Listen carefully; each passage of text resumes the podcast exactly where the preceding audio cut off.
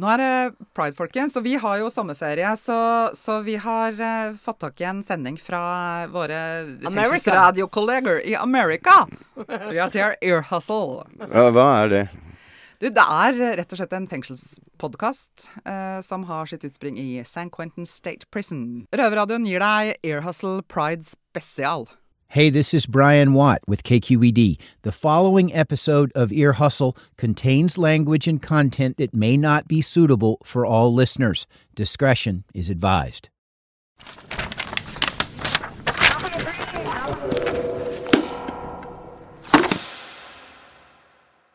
Okay, this is going to be fun. Being straight is like an anomaly in here. You know, I like to skip sometimes because you don't skip on a men's prison. I'm sure ever. not. ever. Ever. Yeah. His way of flirting was, you know, maybe I'll stop by your cell and uh, show you the rest of my tattoos sometime, you know? I'm Nigel Poor. I'm Earlonne Woods, and this is Ear Hustle from PRX's Radiotopia. This is Pride Month, so we're doing something that's new for us, pulling together stories we've told on Ear Hustle over the years about the LGBTQ community inside prison. We're going to start with one of my favorite Ear Hustle episodes, a San Quentin love story. It's called Boots and Max. So in 2019, this guy came to San Quentin, and he and I hit it off immediately. The connection was so good, I like I literally remember the day. He walked me back to West Block, and you know, he showed me a couple of his tattoos, and his way of flirting was, you know, maybe I'll stop by your cell and uh, show you the rest of my tattoos sometime, you know. And I laughed. I was like, yeah, yeah, sure, you know. And I took a few more steps, and then I said, wait, are you fucking serious? Right? Because I thought he was joking. What, me? You gotta be kidding me, right? I couldn't believe that someone as amazing as him would take an interest in me. Like, Max is a nine, and I'm like a two. And, like, he chased me, not the other way around, you know? He's got a beautiful smile, and he's got this intelligent sense of humor, like, smart sense of humor. And he's got this, like, rich voice, you know? It's just like, it's nice to listen to. Like, there's, like, all this stuff about him that's just very, very attractive, right? Since this is audio, will you, since you've described him in depth, will you describe yourself in depth? I'm short, fat, and ugly. Three easy words to just take take very good care of that description right off the bat. oh yeah, I've got these tiny little ears that look like chicharrones, like little pork skins. I got a question for you now. Yes. How does his ears look like chicharrones? Okay, well, it was funny that he used that word because um, I think you know I really love chicharrones, right? Whenever we go on a road trip, that's my snack. Right. I recognize those ears. There's like just little curly, small, kind of like a shrimp. So Max and Boots started dating, and it's a little hard for me to imagine because honestly, I don't know if I can think of a less romantic place in the world than a prison. I mean, yeah, I mean, there's no privacy. Where do you go on dates? Well, I mean, you got to look at it probably through the eyes of the individuals that's falling in love. You know, it, it probably looks like a Venice or something. Right. So what you're saying is, when you're in love, everything looks beautiful. probably looks totally different.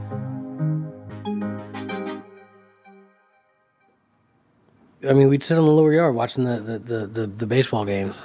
It was late summer, you know, uh, sun's going down by Mount Tam, and I mean, come on, this is, this is shit that people do on the streets, right? You know, you go watch a, a, a baseball game in the late evening and, and just watch the fucking sun go down. That's crazy. It's like, it's normal shit.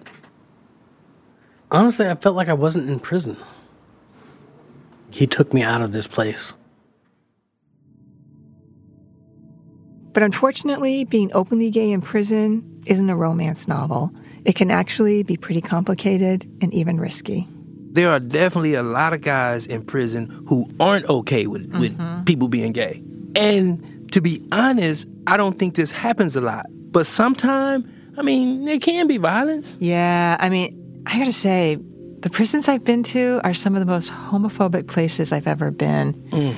And for Max, it got really bad. Boots said the problem started when Max moved into a new housing unit. H unit. dorm living. It is totally different than living in a cell. It's completely open. There's so many people, no privacy. Um, you're really exposed. Immediately, the stresses, the the, the problems, the harassment. He's the only um, the only gay guy in the in the building he was in. He's not a weak guy. He's a he's a Marine Corps vet, and he's not flamboyant either.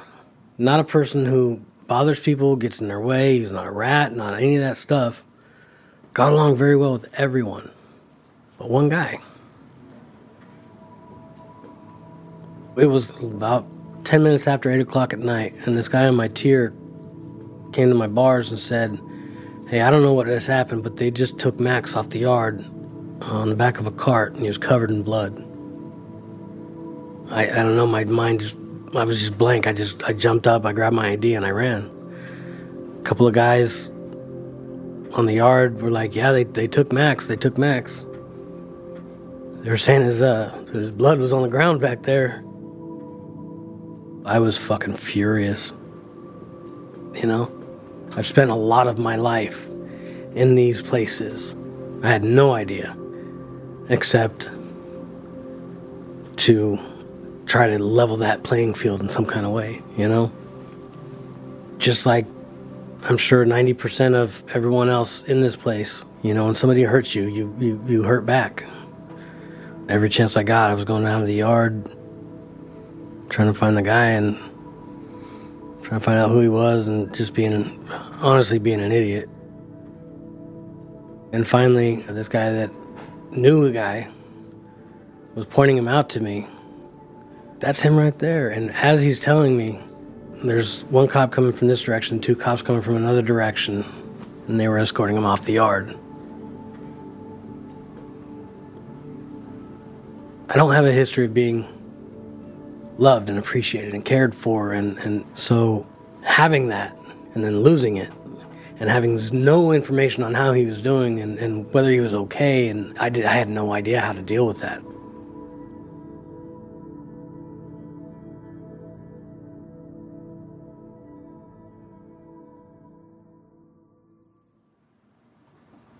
I identify as a fag most of the time, but yes, I'm gay. Why do you choose that word? Um. Well, is it okay to just speak freely like normally? please. Okay, it's basically it's a fuck you to all the guys that hate faggots and queers and punks and and everything else. Prison is probably twenty or twenty five years behind the times, and there's a lot of prejudice and there's a lot of bullshit, and so like calling myself a fag is like getting to the punchline before everybody else does. It takes the power back a little bit. I'm just wondering, like, uh, we always hear this thing, like we can take the power back from words by just calling ourselves that. And I wonder if that's what's really happening, or do we just like, is that just our coping mechanism? Well, it probably is part that. It's maybe a mixture of both. I don't think everything is, is as clear cut psychologically as, as just one one thing. But hearing the words on the tier like I do, even in here where I work at, I hear it. I hear it all day, every day. And my way is to just be like, you know what? Fuck it, I'm gonna own it. You know? I'm a fag. If you don't like it, you know, that's your problem. That's not mine. I want to point out the way you said the word faggot. You said it in a very different way, which was with gusto hmm. and some kind of, I would say, almost relish. When you said it to me the first time, I was like, oh, he really loves that word. I think maybe it might help to understand too where I came from. Mhm. I didn't actually come out of the closet until my 30s. I had experiences, but I didn't own it. I've Hmm. hated gay people. I have attacked men for acting in a way that I perceived as being feminine. Now that I've not only come out, but also overcome a lot of the prejudice and the stereotypes and being in prison and being uh, one of the most hated demographics, or if not hated, then at least um, stereotyped. You know, when I call myself a fag, I'm a big old fag, you know? I own that shit. It's mine, you know? And that's kind of the way I see it. Yeah. You know, I'm a man who loves men. What? What's what's the big deal, you know? Yeah. Max was in the hospital for 23 days, and Boots was just waiting for news about how he was doing. He had to have spinal fusion surgery, had to have his jaw put back together because the entire bottom half was split. The hinge of his jaw was shattered. His nose was broken. His eye socket was shattered. He was between uh, Marin General Hospital and the hospital here for 23 days. Eventually, Max was brought back to the hospital at San Quentin. But it wasn't like Boots could visit him there. Nope. I used to go out to the yard at night and hold up these signs to him, you know, to his window. He's on the fourth floor. I knew what what, what room he was in. What would they I, say? Yeah, said I woof you. it says what? I made these signs on, on, on poster board taped together, you know, and I held them up, said, you know, come back, come back, come back. I actually made a shirt one time. Uh, took a white T-shirt and put a big old paw print on it. That's like adorable and it's so wonderful. But like prison is not a place where you think of people showing, you know, that kind of fun-loving, exuberant, I don't care, I just love this person kind of spectacle. I got to ask New York a question. What does it feel like hearing about someone experiencing this kind of love in prison? I'm jealous because I don't have the same opportunity. Do you think that drives some of the homophobia? I don't know, but I'm definitely jealous. I'm definitely hating now. yeah, New York, that's got to be hard. Yeah, yeah, yeah, yeah. You know, Earlonne, I was really struck by New York's reaction. That kind of jealousy never occurred to me before. Well, I mean, you know, prison can be really lonely. I mean, there's a lot of feelings that you put on hold, you know, while you're in there. Yeah, I bet. Finally, after 23 days, Max was released from the hospital. Boots said he first caught sight of him as Max was being escorted down the tier by guards. Max is one of those, uh, okay, so he's Mexican, right? With this, this very thick, like luxurious beard, right? Um, but when he first came back from the hospital, he hardly had any beard at all because, you know, he had to have surgery and all this stuff. So most of it was gone. And so at first he didn't even look the same. Couldn't even hug him. I couldn't even like hold on to him. I couldn't I couldn't do nothing. And what I wanted to do was just like snatch him up and and fucking protect him and drag him in the cell and just just kiss him and like make everything be better. I couldn't do none of that.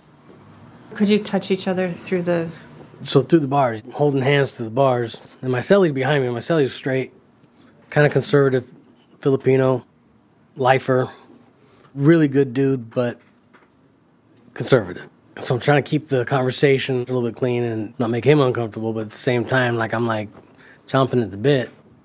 For like where you putting like your fingers through Yes, the... absolutely. We're holding hands through the bars and trying to, you know, block that with with my, you know, with with my body, you know. Man, my heart was like just going crazy. I was all smiles and finally, you know, I didn't even care. I kissed him through the bars. And then my cellie behind me, I heard my cellie behind like, oh my fucking God, you know? And after all that trauma and everything they went through, the months that followed, I mean, they actually got to live together, just like a couple on the outside. So, how long did you have together after he got out of the. so we only had another eight months, I think, after he came back. Okay. And those were a great eight months. Oh, that was amazing. The cellie that I had moved to North Block, um, and Max moved in my cell. The guys just telling him, this is this is crazy. I can't believe you're you're actually here. It's amazing, you know, that I had to come to prison to meet somebody I've never had an argument with. I've got this tattoo right here on my on my wrist. It's a little paw print. It says "woof." Um, he's got he's got one too. We've got the same the same matching tattoos. Oh. Um, I love him. He's the first person in my life that ever loved me back. You know. So, what happened to Max ultimately? So Max paroled. He paroled uh, June 10th, right before the coronavirus outbreak 2020. Um, and he's doing very well. He's working for Warner Brothers now uh, as a camera operator, and uh, we'll be working the Super Bowl this year. Oh, that's cool. Yeah, I'm so proud of him. He's doing real, real good. And so now that he's gone, do you do you find yourself living in that memory? All the time, every day, every single day. I've got a little, uh, I've got a little notebook. Actually, you know, like I write little notes to him all the time, and um, it's got the little teal leather cover on it. And um, as soon as I get all filled up, I'll send it to him. You know, mm. there's a physical place of safety and happiness and just well-being. You know, when you love somebody and when they love you back, and it's okay to be a fucking man and still be a little bit vulnerable.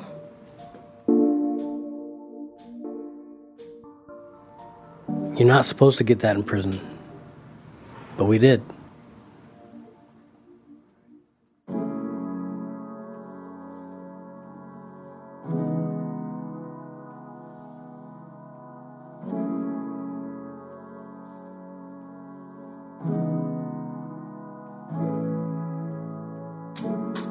We'll be right back with more stories from Ear Hustle's Pride Month special.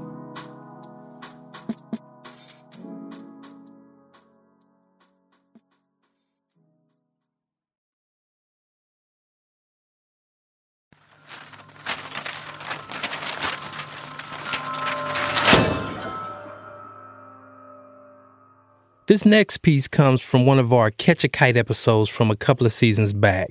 You remember that one, Nigel? Hmm. The one where we got incarcerated men and women to trade kites with each other? Yes. So they finally got the opportunity to like satisfy their curiosity about what life is like in, in those other prisons. Right. Places where they can't normally go.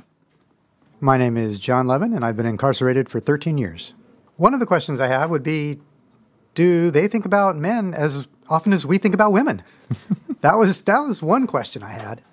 We gave that one to an incarcerated woman named Markeisha Scott. No. I don't believe that's true. Being straight is like an anomaly in here. It's weird, you know? Mm-hmm. So a lot of women in here, they don't think about men because they're not into men. Uh, most of them have been hurt by a man they don't want to deal with men. So I don't think that they um, think about men half as much as you guys think about women.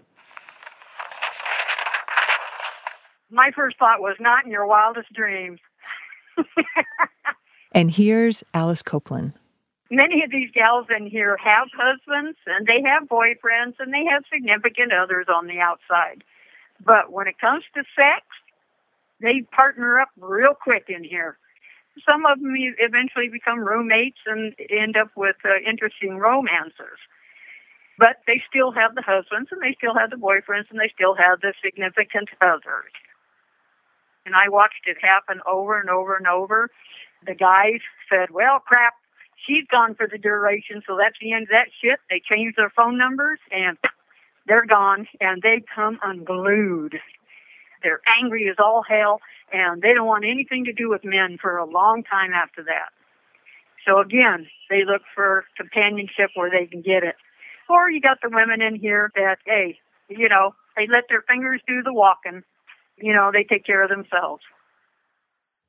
We can't speak for all women's prisons, but at least at the one where we spent time, gay relationships were, I mean, just out in the open. open yeah. No big deal. You know, just like Markeisha and Alice were saying. And in men's prison, like we heard in Boots and Max's story, eh, not so much.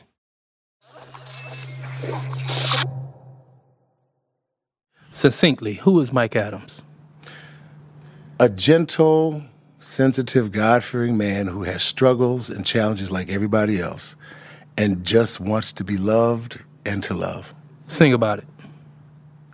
I've had some good days. I've had some hills to climb. I've had some weary days and some lonely nights. But when I when I look around and I think things over. This is Mike Adams. He's currently incarcerated at San Quentin State Prison. I think there's a lot of uh, homophobia in prison. Uh, the environment in itself is based on hypermasculinity, you know, kind of the alpha male. And so homosexuality or any LGBT issues actually undermine the strength because heterosexual people see it as a weakness. And so where it's a kill or be killed or survival of the fittest mindset in prison, homosexuality is seen as a, a fault, as, as really a liability. And so, for people who have seen that and maybe have experienced homosexuality or are homosexuals or lesbians or transgenders, to survive, they have to hide. And that's internalized fear. Mike's a part of a group called ACT, Acting with Compassion and Truth. They get together and talk about LGBTQ issues. And I'm hoping that my ability to identify in the way that I do with the LGBTQ community helps to bridge a gap of understanding about what people are. There's always a backstory. Some of what you're doing here is about the backstory. Right. And people don't want to hear the backstory, especially if it challenges their ideas about something. Back in 2018, when we talked to Mike, San Quentin had just screened a movie inside the prison that caused a huge stir. Recently, we saw the movie Moonlight, and the images were of a strong black man, right? Muscular, got the do rag on, the gold chains, right? And a lot of people were offended by that because that's not the image that society paints of homosexuals. And so it, it makes you uncomfortable when a place that you walk in as a black man, right, or any man for that matter, and all of a sudden you can identify with the external that you see in this person, but internally he's informed by something else. So there's this whole other dynamic of who am I and, and what does that happen to be. So people, yeah, it's it's crazy to live it. Earlonne, when Moonlight played at San Quentin, it was the most I ever heard guys yell down in the media lab. I mean, they were really offended by it. Yeah, last year there was a screening of the movie up in the chapel, and I didn't go, but I heard a lot of people walked out. Earlonne, you and I had this conversation back in 2018. And do you think that screening Moonlight now would be such a big deal? Mm, not really. I mean, some people are definitely going to be like, ah, but then San Quentin is pretty much a different prison now. Do you think that just like on the outside, the attitudes are changing, it's the same inside? I mean, it gets. I think it boils down to people just minding their own business. You know, staying mm-hmm. out of mm-hmm. other people's business. You know, it ain't your lifestyle. You ain't living it. Let it be.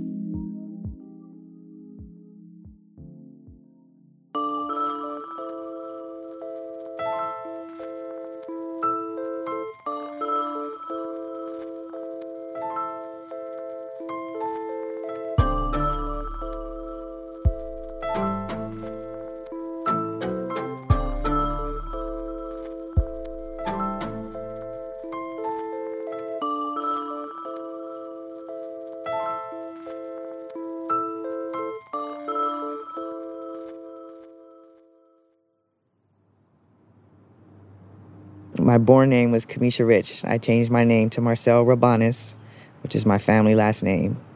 And Marcel is what my mother would have named her, named me if I would have been a boy. This comes from a story about a trans man named Marcel, who had just been released from a woman's prison after serving 23 years. I've been in a box from 15 to 41. Even though I lived my life as a boy, I still was a child. I'm learning how to be an adult free. then I'm learning how to be an adult male, right? So that's two. And then I have a lot of negative male characteristics that I have. That's three. That's stuff that I've learned from growing up. Like my belief system was for a long time was like I should have all the girls. I'm handsome. I, I can get any. You know, I should have five girlfriends, and everybody should know about it. Everybody should get along. I didn't know that I was um, womanizing women. You know, I learned that in prison, or or I feel like I should be able to you do what I tell you to do type of, you know, that control stuff that I had to work on. So I, I know that I have a lot of negative male characteristics. And so I'm changing them and learning how, how that fits um, to socialize with positive men that are doing positive things so that I could be, I'm shaping myself to be the man that I want to be.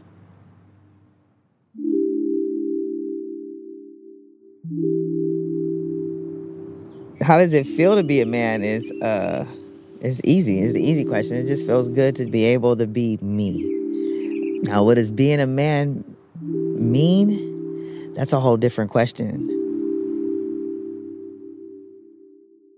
While Marcel was in prison, he enrolled in a college program. I had two guy professors, white boys, and um, they were married and they both had kids and stuff. And I remember my one professor, he talked about his kids, and he um, he said, I'm not gonna be here on um, Halloween, you guys. I just want to let you guys know because you guys are my students and I respect and love you guys. He said, but um, I gotta take my kids out. And I said, you gotta take your kids out. He was like, yeah. He said, I have two children and I'm their father. And I think that I'm supposed to be there with them to go trick or treating. And I said, Well, why? He said, Because it's not my wife's responsibility to raise my our children. It's our responsibility. And that's just not the kind of guy. And I laughed and I said, That's the kind of guy I want to be.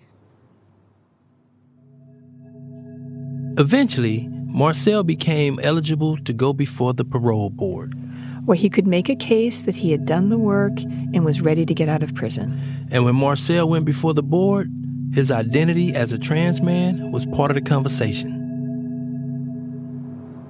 It was a very big topic in the boardroom about me being a transgender. I mean, he asked me questions about where are you gonna go to the bathroom? Have you thought like all of this stuff? And I answered to the best that I could. And he said that he knew that this is who I was.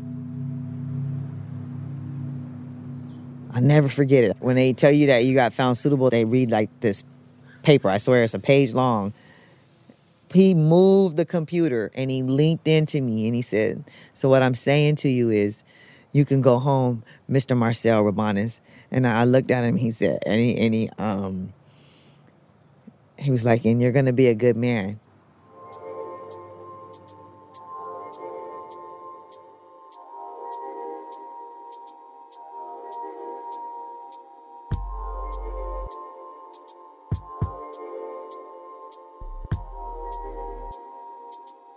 We'll be right back after the break.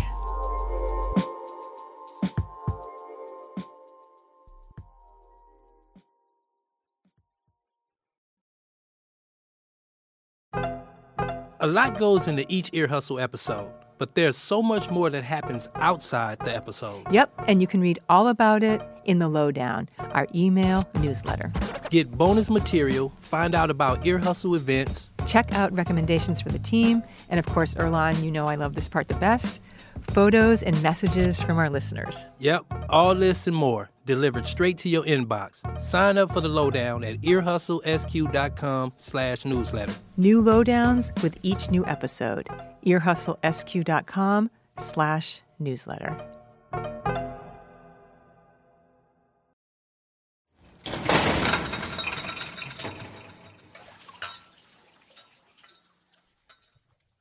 This next bit comes from an Ear Hustle episode we did really early on in the show. Earlonne, I think it was like season two. Yep, it was called Down Low, and it was all about the LGBTQ community at San Quentin State Prison.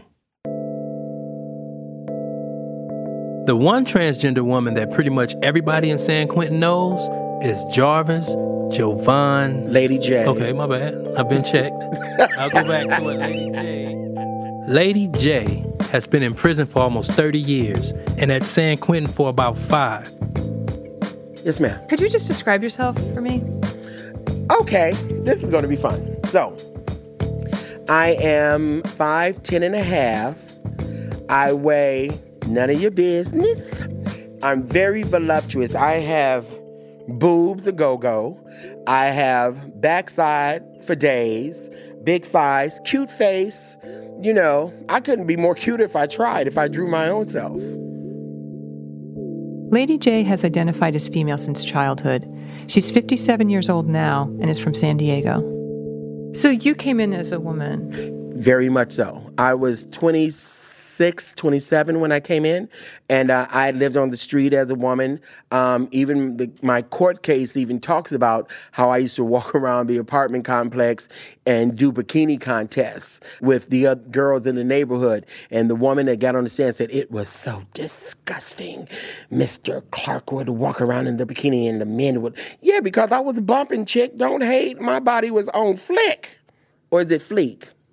I would say fleek. Fleek. It was on fleek. I don't know what that means, but I know it meant my body was all that in a bag of chips. So why didn't you go to a woman's prison? Why were you put in a men's prison? Well, because I still have that nasty little peanut, peanut. This, this, uh, what is the word I'm looking for? Uh, Audi. Yeah. yeah. So because I have this Audi, um, I'm not allowed to go to a women's prison because I haven't fully transitioned. And when I came to prison, there was no such thing as the state giving you a sex change. When I came to prison, it was you're classified as a male, you're going to a male's prison, no matter what form of LGBTQ you were. They went directly by what it says on your birth certificate. Period.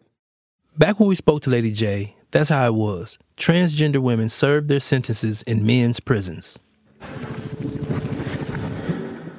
I'm gonna do a little history lesson. Okay, so when I first came in, it was 1989.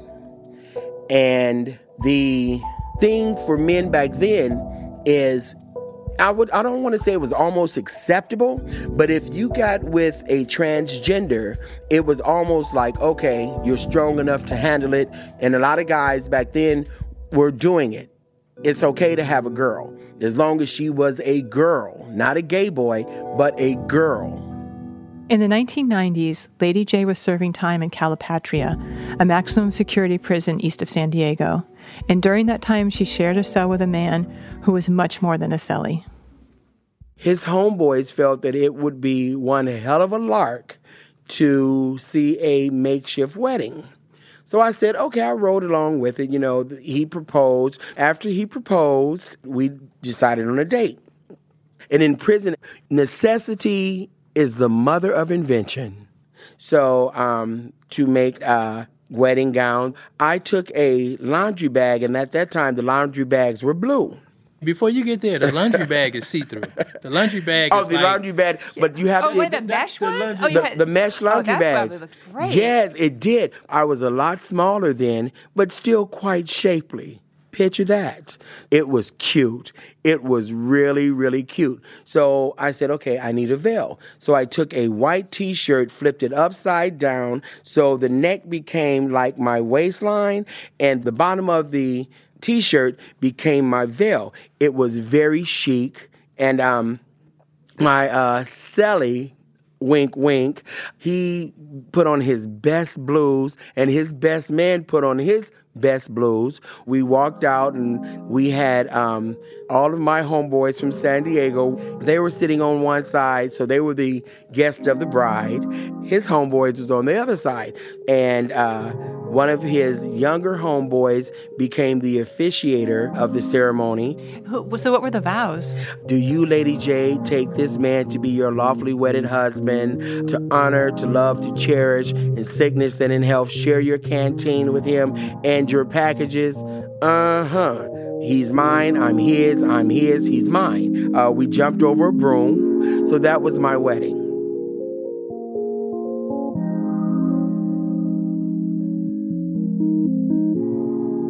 A lot has changed since we spoke to Lady J. Yep. In 2021, a new law came into effect in California that allows transgender, non binary, and intersex people to be housed in a prison that aligns with their gender identity. And just recently, we met two trans women who, thanks to the new law, were able to transfer to the California Institution for Women, a prison near Los Angeles. I was really surprised. I never dreamed that it could happen. This is Kier Anderson. But when I heard that not only was it possible, but that it was going to happen, I immediately filed my paperwork. I wanted to be the first one on the bus. Do you remember when you you started hearing that the laws were going to change and that you could come to a woman's prison if you wanted to? I was so pumped. I was so pumped. This is Cassidy Porter. Did you think it would ever happen? No. I thought it was just all smoke and mirrors. No, I was absolutely surprised when they finally passed it. I mean, the shock of this actually taking place and occurring was so overwhelming for me that I just cried these tears of happiness. My cellmates thought I was too emotional, but yeah, I was excited.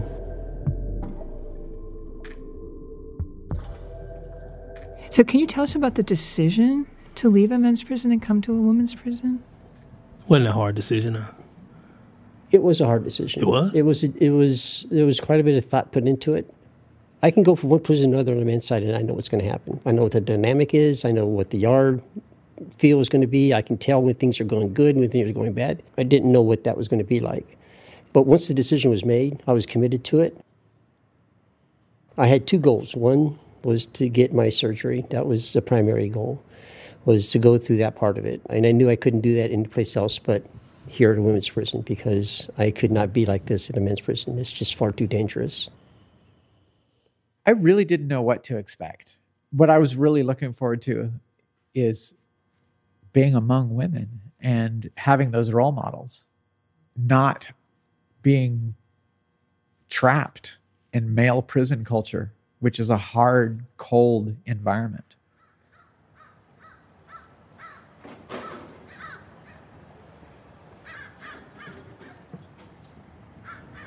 Hi, my name is Michelle Cato, C A T O.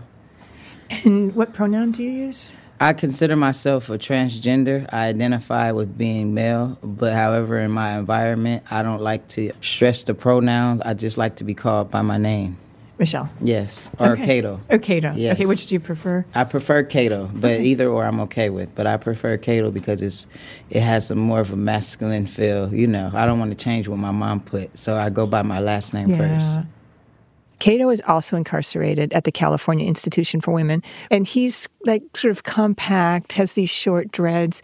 What really made an impression on me was his face. You know, it was really open and sort of just invited conversation.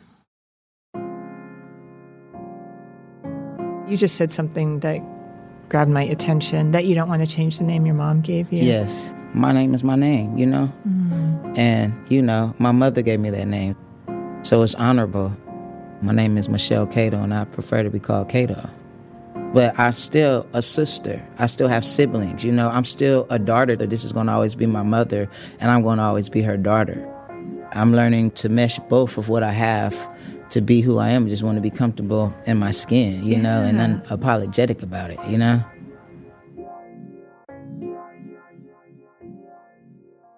On paper, under the new law, someone like Cato could transfer to a men's prison. Yes, but so far, not a single trans man has done that. Have you ever thought about transferring to a male prison? Absolutely not. I wouldn't put myself in harm's way. It don't take no genius to figure that out, whether I got a surgery or not. And I don't know of no female transgender from female to male that wants to really be in a male facility. Now you hear people that, that do the talk, but I have yet to know one. You know? They say it would be okay, but I wouldn't put myself in no situation like that you know, I'm born female. What do I look like going to a men's prison just because I'm, I, my arms is bigger or I have this? Whether you have the surgery or not, if a man knows that you were once a woman, then you you're not safe. You know. That's what you always say. Yeah. Yeah, yeah. you're not safe. Yeah. We've asked trans men would they go to a men's prison. Oh, yeah. What's your thoughts there? I wouldn't personally. This is McCall, another trans man incarcerated at CIW. I personally don't feel safe. And when I say that is due to my trauma as a child. I don't feel safe around men in there. You could be a target. Right. You know, for being a trans man. So I don't want to experience that. So for now, McCall and all the other trans men we met at the California Institution for Women are staying put. But you know, Earlonne, for McCall at least, prison has been a place where he's been able to kind of, I don't know, sort of find himself. So when I was out there, I felt like even though I was free, and even though my my family didn't agree with it, but they just let me be and they love me no matter what. But uh, and still, I felt myself trapped, and people will be not accepting of me. They will say things underneath their breath, or you know they'll look at me when I walk in a public restroom and be like, like, what are you doing here? Like, why are you in this restroom? You don't belong here. And looking at me all scary, like, uh, like if I'm a pedophile, you know. And it made me feel so degrading. It's so. Are you are saying that in prison you had found freedom to be yourself? Yes. Isn't that outrageous? Yeah, it is. It, it's it's still crazy. It's yeah. crazy. Like I, I tell this to my bunkie. It's so crazy that I found freedom here. Like a lot of people come here and they don't feel f- free. They cry about being in here. They cry. They hate it. I mean, I'm not saying that I love being in prison, but I one thing I, I, I like being in prison is that I can be myself, and nobody's gonna judge me or discriminate me, or tell me that they're not gonna love me, you know. So it's me. I have my freedom. That's all I have.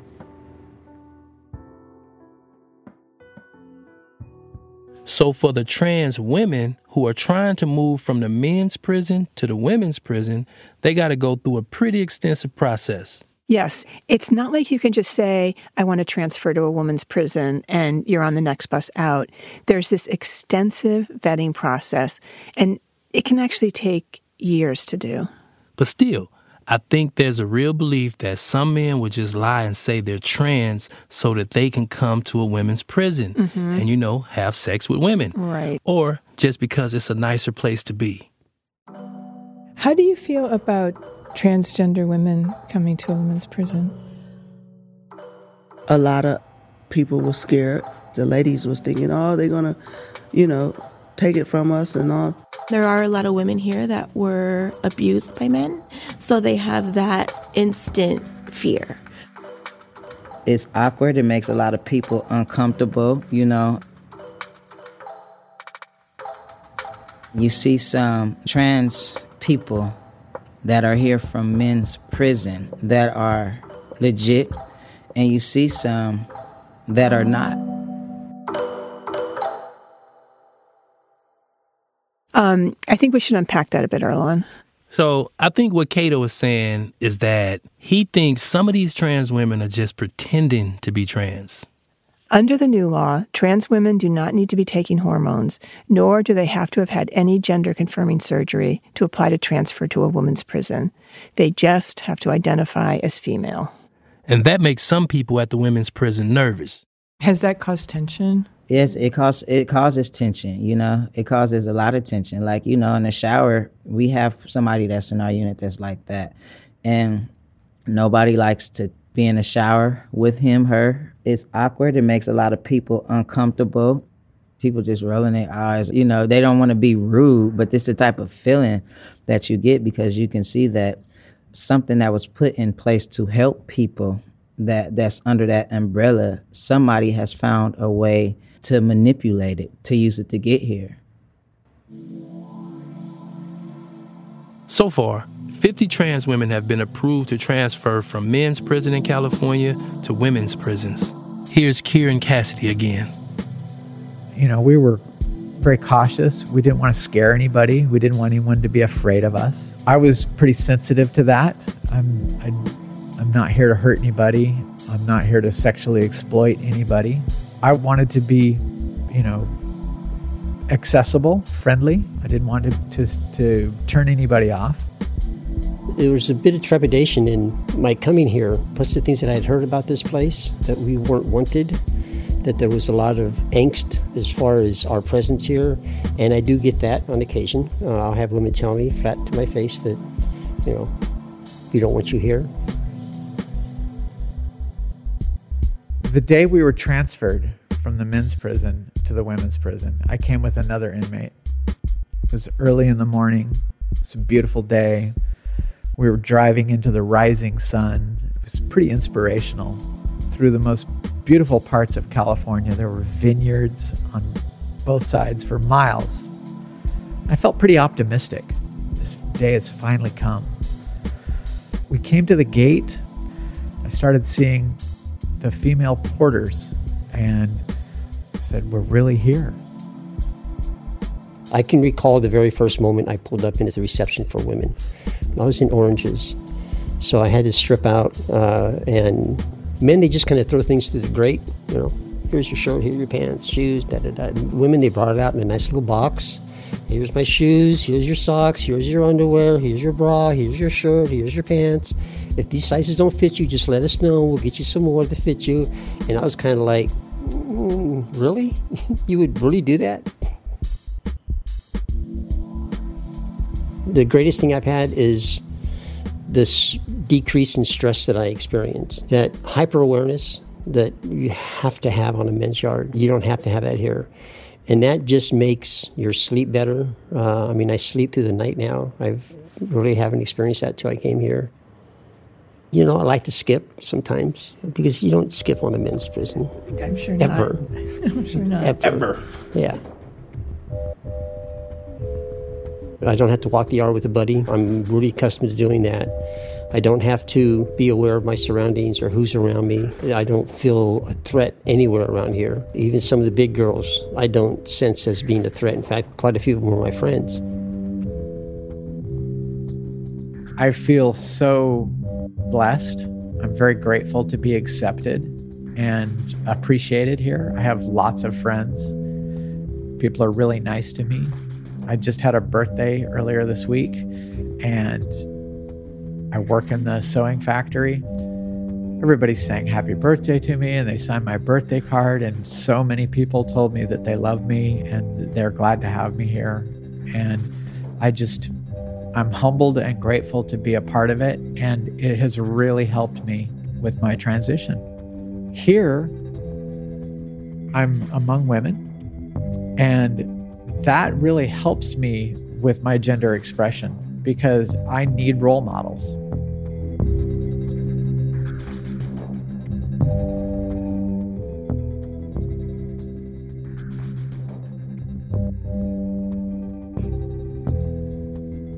Here's Simon. Now, can who are you? I'm a former inmate. I went from an from an inmate to an employee in Røverradioen. Seven years since I started. Okay. This last bit of audio comes from an episode where our Ear Hustle team actually got to go on the road. Yep, we were in Norway, learning about what prison life is like over there. And one of the guys we met, a formerly incarcerated man named Simon, told us a story about a pretty remarkable thing that happened at a prison there. What's the T-shirt that you're wearing? So it just says Pride in some small letters over it. Right. So it says Pride in, in the colors, and it's on top of the the radio. This one was made especially for our first in-prison Pride parade anywhere in the world. True pioneering. We had it the 15th of October uh, last year. We declared the second Friday of October as International Prison Pride Day. And in Norway, we come uh, a long way. 50 years ago, uh, it stopped being against the law. Is there a lot of um, LGBT phobia in um, prisons in Norway? Prison is probably uh, one of the places where it's uh, the hardest to be gay of or transsexual, and it's a hyper masculine environment. And for me, uh, as a as a hugger, you can't hug people because that's gay. And the, first of all, there's nothing wrong with being gay. Then uh, why can't you give people a hug? We have inmates only because of their sexuality. They have been beaten, they have uh, been threatened, they have been told by staff that you shouldn't come out of your cell because people will beat you up. Yeah.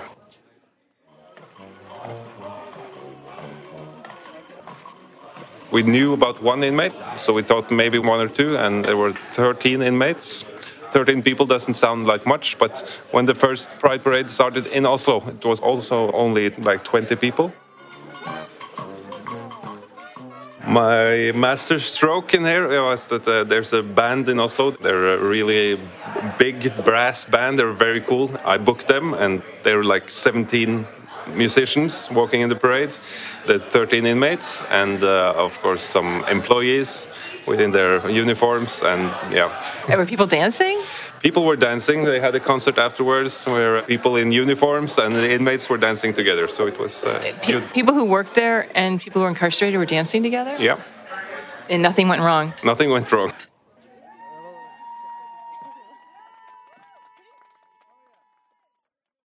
Why do you personally care? I mean, there's so many things you could work on to change in the prison. Why did you care to spearhead this? Uh, I had a, a, friend who killed himself. He was a very effeminate uh, gay guy. He was in prison, and I'm sure that he got harassed because he just was his uh, beautiful self.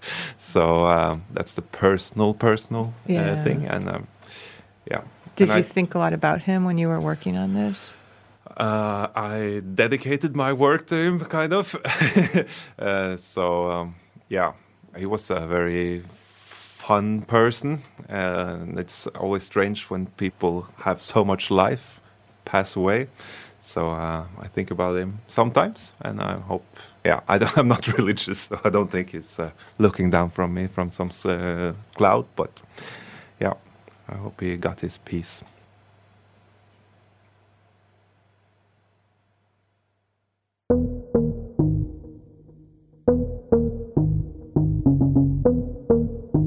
That was fun, Nige. Mm-hmm. I think we should do this again sometime. Definitely.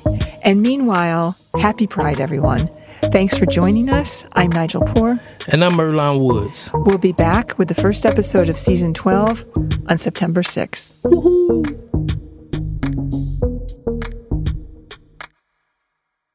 Ja ja, der hørte dere, folkens. Jeg håper det ga mersmak. Ja, og Earhustle kan man jo faktisk da, som vi pleier å si, eh, laste ned eh, på podkast eh, og høre på når og hvor du vil. Mm. Ja. Hvis du ikke sitter i fengsel, naturligvis. Røverradioen er jo i sommermodus, men vi er tilbake om to uker med ønskerepriser. Mm. De beste. From the archives. Yeah. Yes. yes. Til glede for gamle og nye røverradiolyttere. Mm. God sommer! Den satt.